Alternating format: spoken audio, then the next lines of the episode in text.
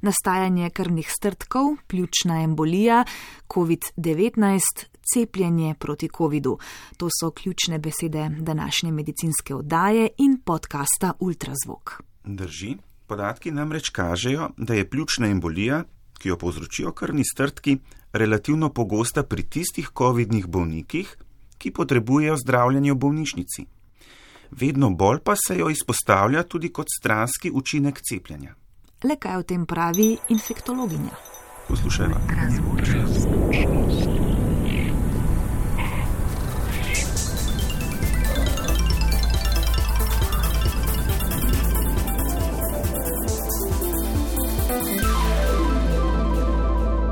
Ultrazvok. Začnimo z osnovami. Če krvni strdek zamaši žilo v pljučih, zdravniki postavijo diagnozo pljučna embolija.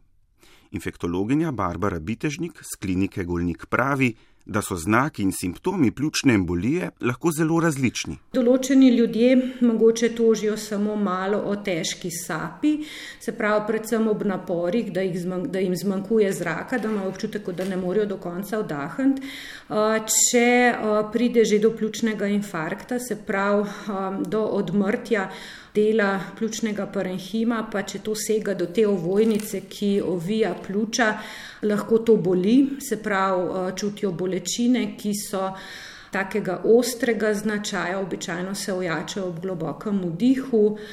Lahko pride do nabiranja, ker je pač dražena ta ovojnica, do nabiranja eh, vode, potem v tem eh, medpleuralnem prostoru pa v bistvu to boli.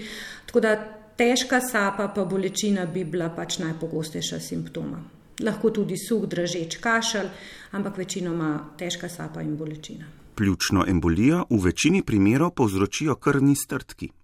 Ti v pljuča pridajo iz globokih ven na nogah ali iz ven, ki so v drugih delih telesa, naprimer v trebuhu. Vedno pogledamo, se pravi, vedno naredimo barvni dopler ožilja na nogah, ven na nogah, da pogledamo, če je tam slučajno kakšen strdek. Vedno naredimo ultrazvok trebuha, pa čiščemo eventualno maligno bolezen, ki bi lahko sprožila pač to pljučno embolijo. Vedno pogledamo tumorske markerje v krvi, pač imamo neke presajalne teste, no, s katerim iščemo možen origo. V veliki večini ga najdemo, včasih pa tudi ne. No, tako da pač potem rečemo, da gre za idiopatsko pljučno embolijo. Edino, kar se razlikuje, je v bistvu trajanje zdravljenja, ne pa samo zdravljenje. Ne, pri idiopatskih se pač zdravljenje mečkam podaljša.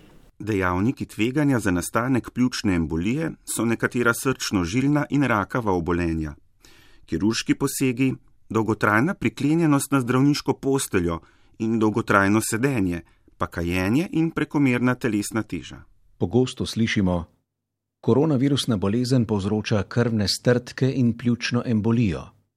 Beremo tudi: Cepiva proti koronavirusni bolezni povzročijo nastanek krvnih strtkov oziroma trombozo kar lahko vodi v pljučno embolijo.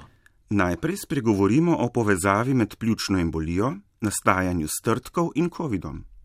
Infektologinja Barbara Bitežnik, ki na kliniki Golnik vodi COVID-ni oddelek, potrjuje, da je pri težki obliki koronavirusne bolezni povišeno tveganje za pljučno embolijo. COVID, tako kot smo do zdaj opažali, večinoma ukvarja ta endotel žil, se pravi te notranje stene žil in na ta način lahko privede do povečanega tveganja za nastanek strtkov. Ne. Se pravi, da tukaj ni vzrok, v veliki večini primerov ni vzrok globoka venska tromboza, ampak je vzrok direktno povečano strjevanje krvi znotraj pljučnih arterij.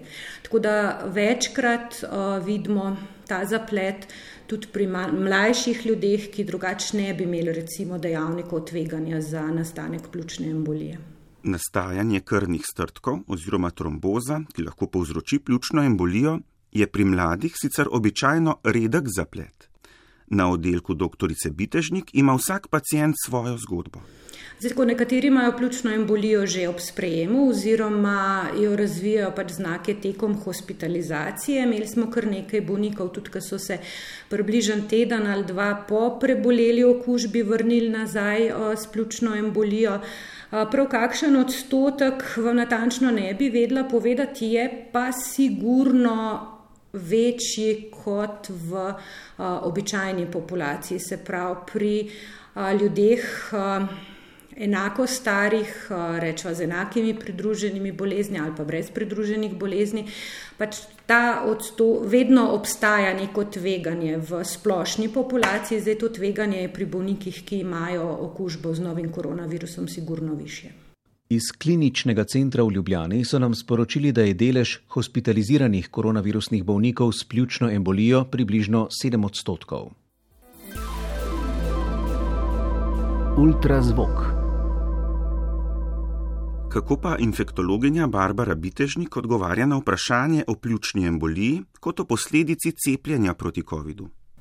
Uh, lahko seveda pride tudi uh, do pljučne embolije kot posledice cepljenja, predvsem z vektorskimi cepivi, lahko sicer tudi z MRNA, ampak v nekoliko manjšem odstotku.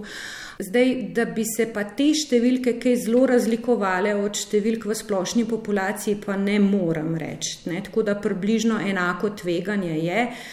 Seveda za tistega, ki se mu to zgodi, je grozno, ampak načeloma tveganje pri cepljenih ni nič dosti večje kot tveganje za pljučno embolijo v splošni populaciji. Ali so v kliniki na Golniku na zdravljenje že sprejeli pacijenta s pljučno embolijo, za katero so posumili, da vzrok za njo tiči v cepljenju proti COVID-u? Pri nas na Golniku ne. Uh, ravno včeraj sem sprejela enega gospoda, ki je sicer mesec in pol po tretjem odmerku mRNA cepiva in je prišel zdaj v bistvu k nam zaradi pljučne embolije, težko tukaj povežem, ali gre dejansko za cepljenje oziroma za cepivo kot vzrok za to pljučno embolijo. Ne. Pač možnost obstaja, sigurno bomo to prijavili kot uh, možen neželen učink, potem je pa to na um, teh agencijah, uh, ki to preverjajo, ali je dejansko povezava obstaja ali ne.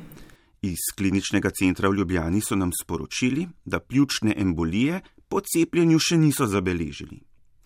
Pljučna embolija v povezavi z globoko vensko trombozo sicer sodi med resne, neželene dogodke po cepljenju. Pri Nacionalnem inštitutu za javno zdravje so prejeli več prijav, kjer je prišlo do pojava pljučne embolije po cepljenju s cepivi proti koronavirusni bolezni.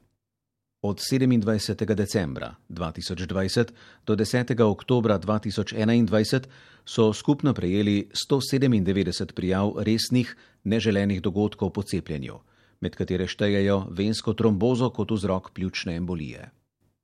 Zapisali so še naslednje. Po cepljenju z vektorskimi cepivi AstraZeneca, Johnson Johnson lahko pride do krvnih strtkov, tromboz, vendar gre za zelo redek zaplet, ki nastopi le pri eni osebi na 100 tisoč cepljenih. Za primerjavo, pri ljudeh, ki se zaradi koronavirusne bolezni zdravijo v bolnišnici, krvne strtke zabeležimo v povprečju pri 14 odstotkih bolnikov. Ultrazvok.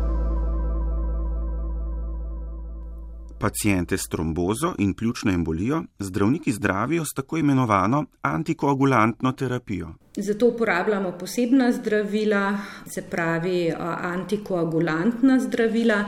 Ta zdravila niso tako nedolžna, no res se upletajo v starjevanje krvi, lahko povzročajo neželene učinke.